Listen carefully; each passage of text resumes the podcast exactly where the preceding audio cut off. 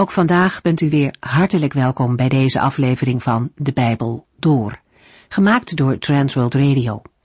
Voor meer informatie kijkt u dan op onze website transworldradio.nl.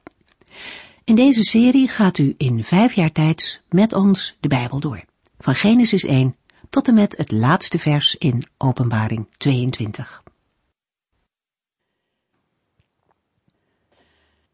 In het Bijbelgedeelte van de vorige studie maakt Paulus een scherp onderscheid.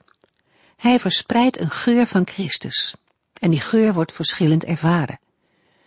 Voor degenen die geloven is het een geur van leven. Voor niet-gelovigen is het een geur die stinkt, een van dood en verderf. De boodschap van Christus werkt wat uit. Mensen worden erdoor gered en krijgen leven, of mensen ergeren zich eraan en verwerpen de woorden van God. En daarmee missen zij ook het leven dat God wil geven. Paulus en zijn medewerkers zetten hun leven in om die geur van Christus door te geven. Hij benadrukt dat het hem niet om zijn eigen belang gaat. Paulus is geen prediker die er zelf rijk en beter van wil worden. In Korinthe, maar ook in onze tijd, zijn er mensen actief die onzuivere motieven hebben om dat evangelie te brengen. Paulus weet van zichzelf, en kan dat ook in alle oprechtheid zeggen, dat hij in opdracht van God en in verbondenheid met Jezus Christus spreekt. In 2 Korintiërs hoofdstuk 3 gaat Paulus in op het nieuwe verbond. Hij herinnert eraan dat het oude verbond, de wet die God aan Israël gaf, al samenging met stralend licht. Het volk Israël kon het niet verdragen om Mozes te zien toen Mozes net bij de Heere vandaan kwam met de wet. Mozes straalde nog zo sterk dat hij een doek over zijn gezicht deed als hij met het volk sprak. En het nieuwe verbond gaat daar nog ver bovenuit. God heeft nog iets veel mooiers klaargemaakt voor wie geloven wil. De bediening van Mozes, de wet, leidde uiteindelijk tot de dood, omdat niemand in staat was die wet te houden. Maar de nieuwe bediening van de geest brengt leven. En daarom kunnen we een nog veel grotere heerlijkheid verwachten van dit nieuwe verbond. Als Mozes al straalde bij het oude verbond, dan mogen wij de heerlijkheid van het nieuwe verbond, van het leven met Christus, zeker uitstralen. We vervolgen nu met vers 11 in dit gedeelte waar Paulus verder ingaat op dat onderwerp. In de vorige uitzending hebben we gelezen dat de glans van de dienst van Mozes in het oude verbond zozeer overtroffen wordt, dat die vergeleken bij de heerlijkheid van de dienst van het nieuwe verbond in het niet valt. 2 Korintiërs 3 vers 10 en 11 Sterker nog, de glans die van Mozes gezicht afstraalde, was een flauw schijnsel vergeleken bij de schitterende glans van het nieuwe verbond.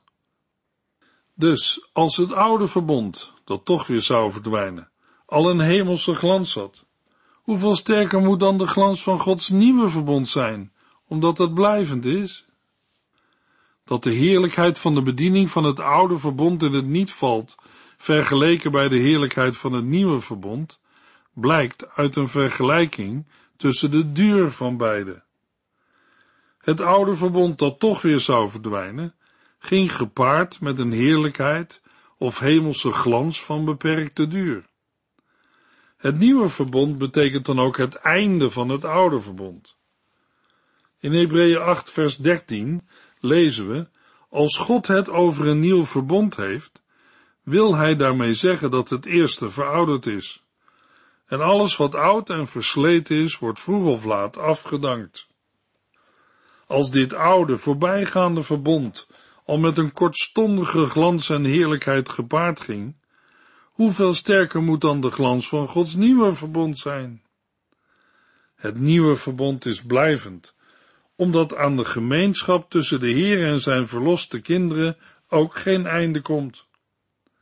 2 Korintiërs 3 vers 12 en 13 Omdat wij hier naar uitzien, kunnen wij Gods boodschap met grote vrijmoedigheid brengen. Dat is een groot verschil met Mozes, die een doek over zijn hoofd droeg zodat de Israëlieten niet zouden zien dat de glans langzaam van zijn gezicht verdween. Luisteraar, ik kan me voorstellen dat de gedachte opkomt bij deze verse, waarover gaat dit? Mozes met een doek over zijn hoofd? In Exodus 34, vers 35 lezen we de geschiedenis waaraan de apostel Paulus nu refereert. Toen Mozes naar de top van de berg Sinaï ging, gaf de Heer hem de stenen plakettes. In werkelijkheid heeft de Heer hem twee keer de stenen plakettes gegeven.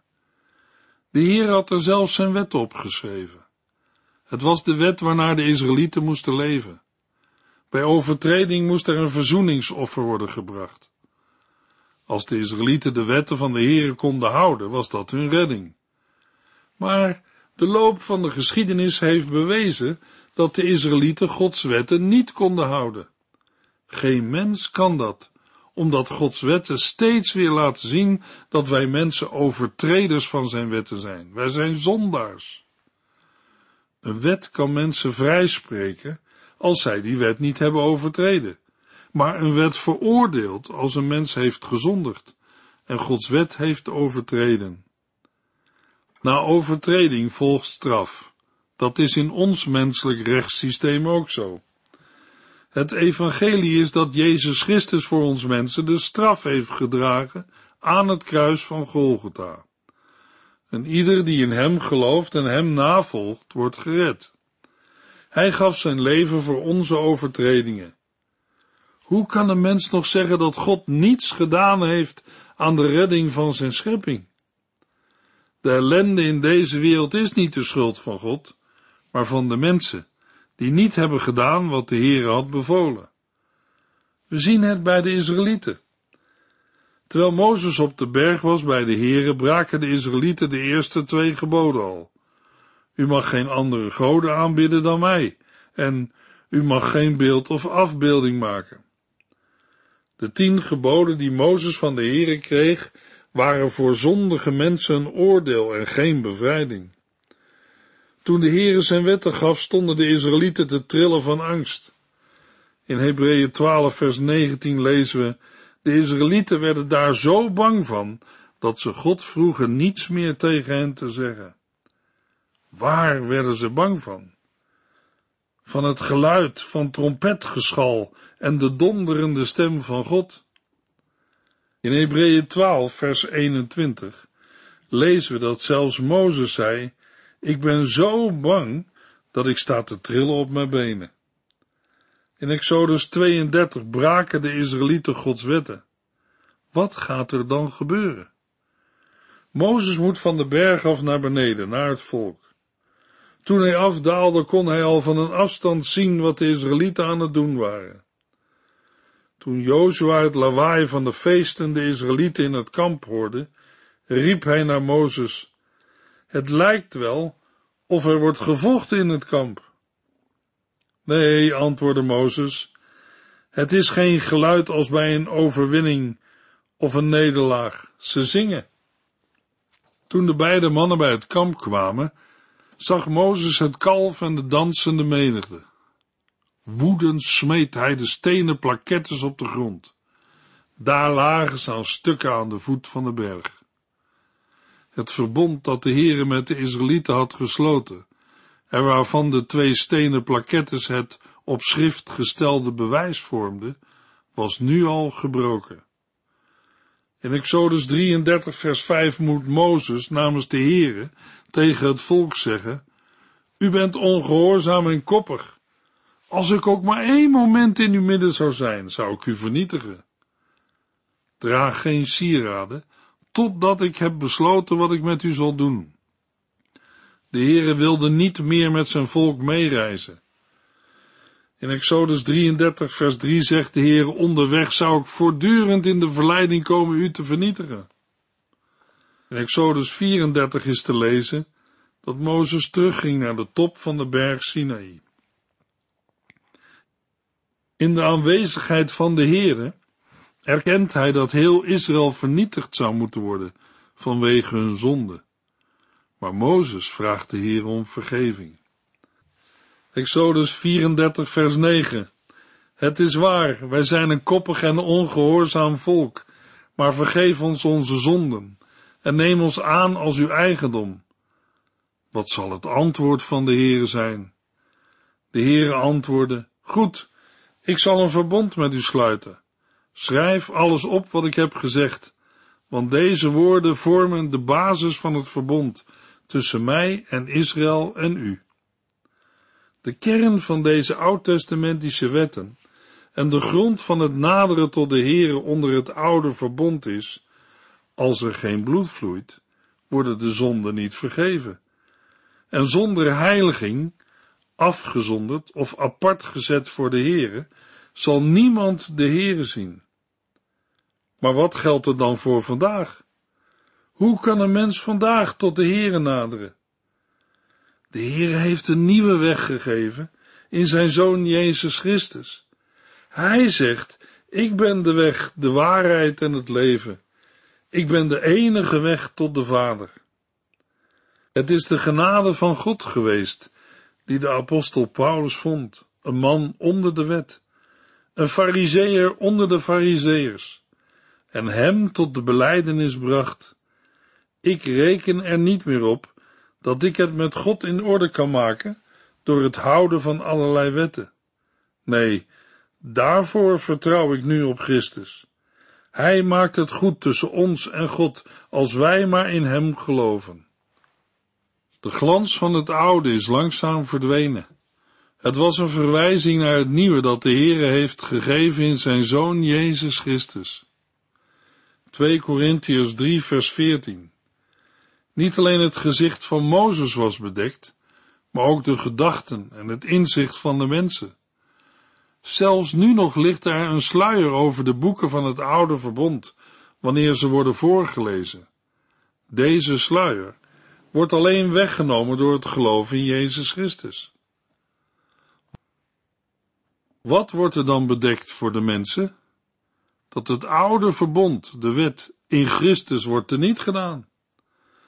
Paulus schrijft in Romeinen 10 vers 4, want nu Christus er is, hoeft niemand meer zijn best te doen om volgens de wet van Mozes rechtvaardig te worden. Iedereen die op Christus vertrouwt, wordt rechtvaardig. Voor alle duidelijkheid, luisteraar, wie niet op Christus vertrouwt, kan voor de Heere nooit rechtvaardig worden.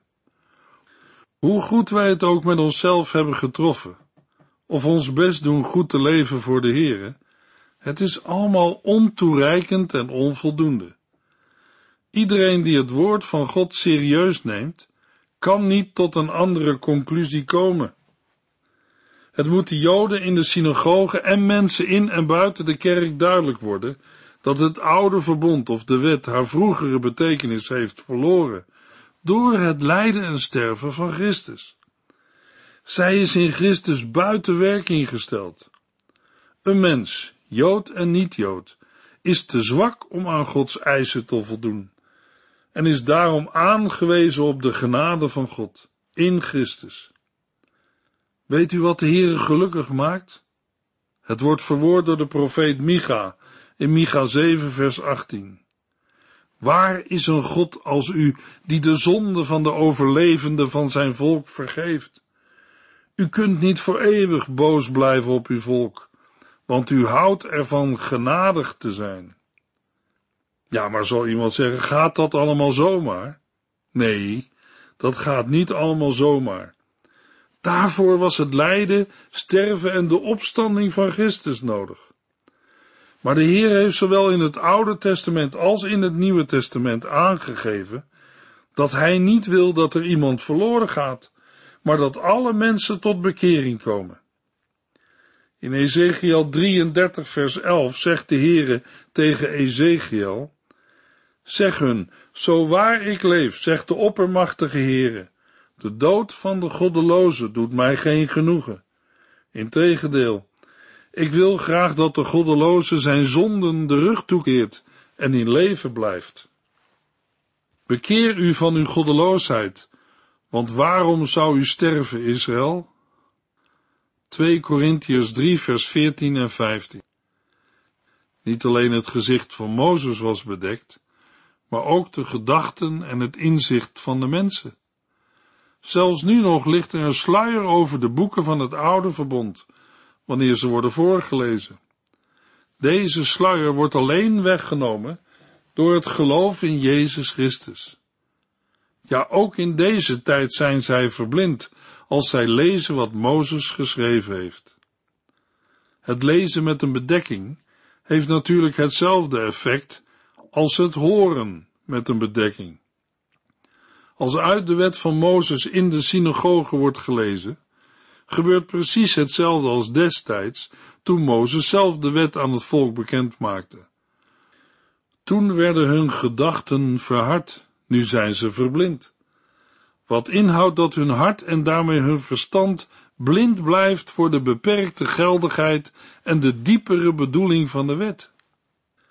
2 Korintiërs 3 vers 16 Maar als iemand zich tot de Here bekeert, wordt de sluier weggenomen. De woorden van vers 16 zijn grotendeels ontleend aan Exodus 34 vers 34. Als Mozes de tabernakel binnenging om de Here te ontmoeten, deed hij de doek of sluier af tot hij weer naar buiten ging. Daarna gaf hij Gods woorden aan de Israëlieten door. Paulus past de woorden van Exodus 34 toe op de harten van de Israëlieten. Maar als iemand zich tot de Here bekeert, wordt die sluier weggenomen. De Heer is in dit verband de Heer Jezus Christus. Paulus spreekt uit eigen ervaring. Toen hij op de weg naar Damascus tot bekering was gekomen, werden hem tevens de ogen geopend voor het feit dat in Christus de wetgeving van het oude verbond tot voleinding was gekomen. Sindsdien was hij voortdurend in conflict geweest met de Joden, die in dat opzicht verblind waren. Paulus verwachtte wel dat in de toekomst het hele Joodse volk tot bekering zou komen. 2 Korintiërs 3 vers 17 De Heer is de geest die leven geeft, en waar Hij is, is vrijheid.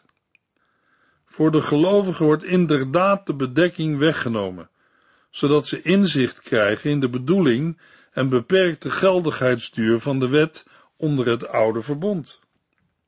Paulus maakt in vers 17 een toepassing van Exodus 34 vers 34. De sluier wordt weggenomen, doordat de Heilige Geest in de harten van de gelovigen komt wonen en ook de bedekking wegneemt. En waar de geest van de Heer is, daar is vrijheid. Daarmee grijpt Paulus terug naar vers 3, 6 en 8, waar duidelijk wordt dat de inwoning van de Heilige Geest in de harten van de gelovigen het oude verbond van letters op stenen plakettes vervangt. De vrijheid die door de vervulling met de Heilige Geest wordt bewerkt, is dan ook een bevrijding uit de veroordelende macht van de wet en een vrijheid om het zondige na te laten, maar geen vrijheid tot een wetteloos en losbandig leven. 2 Korintiërs 3 vers 18 Wij, gelovigen, hebben geen sluier over ons gezicht. Wij zijn net spiegels die het schitterende licht van de Heere weerspiegelen. Terwijl zijn geest in ons werkt, gaan we steeds meer op hem lijken. Tegenover de onbekeerde Joden die nog een bedekking over hun hart hebben, staan de gelovigen. Zij zijn te vergelijken met Mozes, die toen hij voor het aangezicht van de Heere stond, de bedekking van zijn gezicht verwijderde. Het eerste gedeelte van vers 18 kunnen we opvatten, wij allen die met een onbedekt aangezicht de heerlijkheid van de Heere als in een spiegel aanschouwen. De gelovigen kunnen door de Heilige Geest iets proeven en zien van de heerlijkheid van de Heere. Maar die heerlijkheid wordt nu nog niet, zonder meer, aan hun gezicht weerspiegeld, zodat anderen dit duidelijk kunnen waarnemen zoals bij Mozes het geval was. Waarom gebruikt Paulus de zinsnede? Wij zijn net spiegels, die het schitterende licht van de Heere weerspiegelen. Een gelovige kan niet met eigen ogen de heerlijkheid van Christus zien, maar door middel van openbaring door de Heilige Geest. Bovendien zal het voorbeeld van een spiegel, juist in Korinthe, dat bekend stond om de goede kwaliteit, van zijn bronzen spiegels bijzonder hebben aangesproken. Het zien van de heerlijkheid van de Heere heeft trouwens wel degelijk gevolgen. Net als Mozes veranderen ook de gelovigen. Gelovigen worden veranderd tot hetzelfde beeld van heerlijkheid tot heerlijkheid. Hetzelfde beeld is het beeld van Christus en dat is het beeld van God, zodat de gelovigen uiteindelijk goddelijke heerlijkheid ontvangen. Want wij zullen zijn als Hij. De woorden wij gaan steeds meer op Hem lijken, geven aan dat er sprake is van een voortdurend proces van verandering. We kunnen dit veranderingsproces ook aanduiden met geestelijke groei. Het is het proces waarin een gelovige steeds meer op de Heer Jezus Christus gaat lijken. Als een mens zijn of haar vertrouwen op de Heer Jezus stelt en tot geloof komt, dan begint de Heilige Geest met een proces waarin we steeds meer als Jezus worden gemaakt en zo steeds meer op Hem gaan lijken. Geestelijke groei wordt misschien wel het best omschreven in 2 Petrus 1. In de versen 3 tot en met 8 lezen we, want als u Hem beter leert kennen, zal hij u door zijn grote kracht alles geven wat u nodig hebt om werkelijk goed te leven. Hij zal zelfs zijn heerlijkheid en godheid met ons delen. Hij heeft ons geweldige, grote en waardevolle beloften gedaan. Hij redt ons van de begeerten en het verderf om ons heen en geeft ons deel aan zijn eigen wezen. Maar daarvoor hebt u meer nodig dan vertrouwen alleen. U moet ook uw best doen om goed te zijn, en zelfs dat is niet genoeg. U moet God beter leren kennen en weten wat Hij wil. Leer uw eigen verlangens opzij te zetten en geduldig vol te houden, zodat u God kunt dienen. Dan bent u klaar om een vriend te zijn voor uw medechristenen en om alle mensen lief te hebben. Als u deze eigenschappen in overvloed bezit, zullen ze werkzaam en vruchtbaar zijn om de Heer Jezus Christus steeds beter te leren kennen. Vatten we de woorden van Petrus samen, dan wordt ons verteld dat de Heer een gelovige alles heeft geschonken wat nodig is voor een goed geestelijk leven. De Heer heeft rijke en kostbare beloften gedaan, opdat wij ontkomen aan het verderf om ons heen.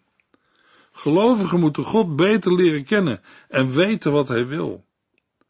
Zonder regelmatig bijbellezen, gebed en omgang met andere gelovigen is dat een onmogelijke zaak. Want al de genoemde zaken helpen mee om eigen verlangens opzij te zetten en geduldig vol te houden en de Heere te dienen. Petrus schrijft, onder leiding van de Heilige Geest, als u deze eigenschappen in overvloed bezit, zullen ze werkzaam en vruchtbaar zijn om de Heer Jezus Christus steeds beter te leren kennen. Bij het lezen van deze verse kan de vraag opkomen, kunnen de eigenschappen waarover Petrus spreekt nog iets concreter? In Gelaten 5 vinden we twee verschillende opsommingen die ons mogelijk verder kunnen helpen. In Gelaten 5 vers 19 tot en met 21 worden eigenschappen van de zondige natuur genoemd. Het zijn dingen waardoor het leven van een mens wordt gekenmerkt voordat hij of zij op Christus ging vertrouwen.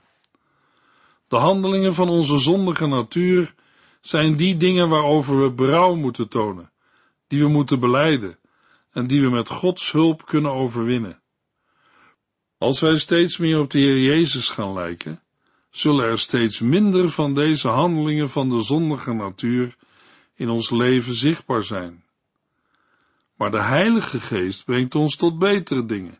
Liefde, blijdschap, vrede, geduld, vriendelijkheid, mildheid, trouw, tederheid en zelfbeheersing.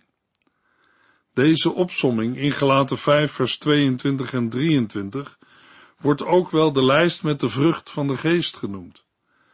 Het is een opsomming van eigenschappen waarmee een gelovige wordt geïdentificeerd, als hij of zij de verlossing in Jezus Christus heeft ervaren. Geestelijke groei wordt gekenmerkt door het feit dat de vrucht van de geest steeds meer zichtbaar wordt in het leven van een gelovige. Als de wedergeboorte heeft plaatsgevonden, begint de geestelijke groei. De Heilige Geest gaat in de gelovige wonen Hij of zij wordt een nieuwe schepping in Christus. De oude natuur is begraven en de nieuwe natuur met Christus opgestaan. Geestelijke groei is een proces dat een mensenleven lang duurt en plaatsvindt als we het woord van God bestuderen en toepassen en door de Heilige Geest worden geleid. Een lied uit de liederenbundel van het leger des heils verwoordt hoe een gelovige blij kan zijn over Gods veranderingsproces, maar ook bid om Gods hulp en kracht. Maak mij een beeld van u. O God, die mij hebt vrijgekocht en door uw bloed gered, die wat de duivel ook vermocht, mij voortleidt tred voor tred, die trouw mij voortgaat op de weg, al is mijn pad ook ruw. O wijs mij steeds de rechte weg, maak mij een beeld van u. Maak mij een beeld van u, zo vol van ootmoed, liefde en trouw. O God, maak mij een beeld van u, want vol van zwakheid is mijn ziel. Toch ben ik door u gered. Wanneer de strijd soms zwaar mij viel, u hoorde mijn gebed. Sterk, o mijn God, mij meer en meer, ja, help en steun mij nu. Leid aan uw hand, mijn trouwe Heer, maak mij een beeld van u. In de volgende uitzending lezen we 2 Korintiërs 4, vers 1 tot en met 6. U heeft geluisterd naar De Bijbel Door, in het Nederlands vertaald en bewerkt door Transworld Radio. Een programma waarin we in vijf jaar tijd de hele Bijbel doorgaan. Als u wilt reageren op deze uitzending of u heeft vragen, dan kunt u contact met ons opnemen. Tijdens kantooruren kunt u bellen op 0342 47 8432. 0342 47 8432. Ook kunt u een e-mail sturen naar de en natuurlijk kunt u ook via de post ons bereiken. TWR, postbus 371, postcode 3770, AJ in Barneveld. Dit programma werd gepresenteerd door Cor Weda en Ike André. Techniek was in handen van Odin van Voerkom. En wij allemaal bedanken u voor het luisteren. Graag tot de volgende keer.